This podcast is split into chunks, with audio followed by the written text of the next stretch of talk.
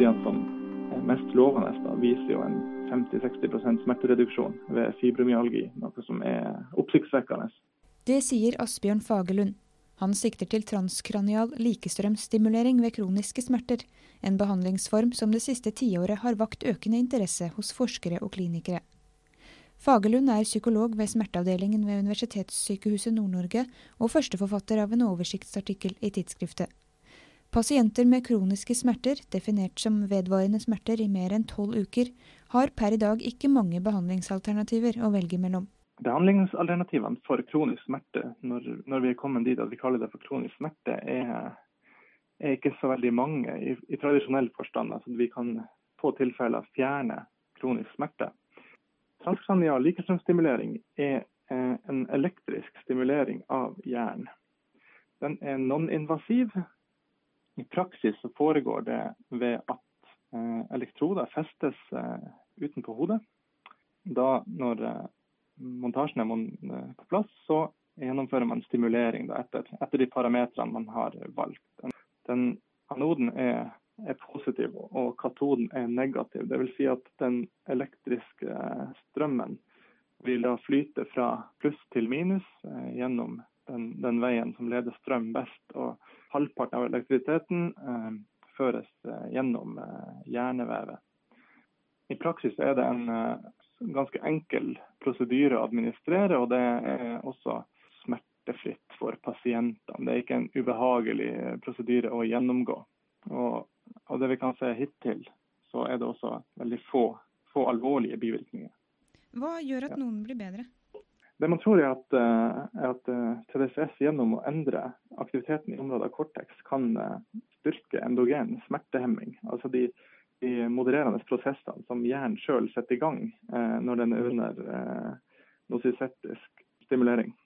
I tillegg så uh, tror vi at uh, elektrisitet som er påført med TDCS i overflaten av hjernen, også kan nå dypereliggende strukturer, altså talamus. Og, og der uh, kan man oppnå en inhibisjon av afferente nosiseptiske signaler. Og kombinasjonen av de her to mekanismene tror man kan gi smertelindring. Metoden prøves ut klinisk for en rekke tilstander. I tillegg til smerte er den forsøkt ved bl.a. epilepsi, alvorlig depresjon, rusavhengighet, Alzheimer og motorisk rehabilitering etter slag. Resultatene varierer, men er i mange tilfeller lovende. I de studiene vi gjennomgikk eh, i denne oversiktsartikkelen, så eh, spriker resultatene eh, fra halvering av smerte ved f.eks. fibromyalgi til ingen effekt i, i et annet studie. Og, og, de fleste la seg et sted mellom der. da. Så kan metoden anbefales til behandling av kroniske smerter? På det nåværende tidspunkt så er det nok for tidlig å anbefale TDSS som en rutinemessig behandling i offentlig helsevesen. Det som kunne tale for det, var jo at uh, eh, TDSS uh, eh, i de studiene som har er publisert hittil, ikke har ført til noe skade.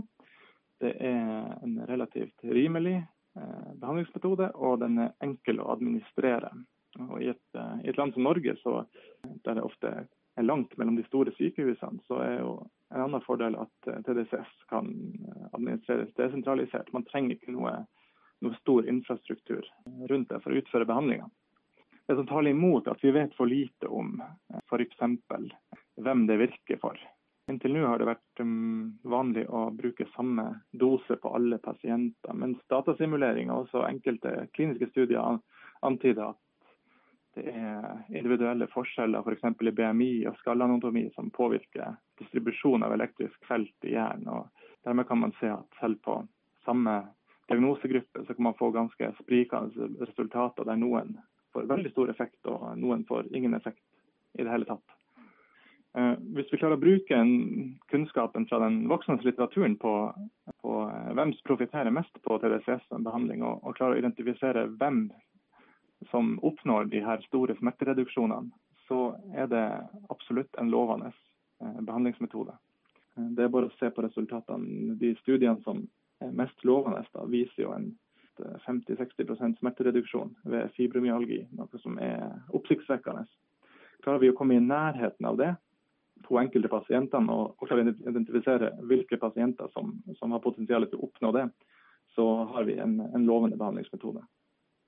Du kan lese mer om transkranial likestrømsstimulering i tidsskriftet nummer 21.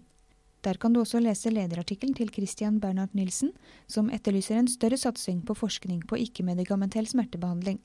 Det kan potensielt hjelpe svært mange pasienter, dels ved at effektiv behandling raskere kan tas i bruk i helsevesenet, og dels ved at metoder uten behandlingseffekt ikke vil få grobunn i det alternative helsemarkedet. I podkaststudio Eline Feiring.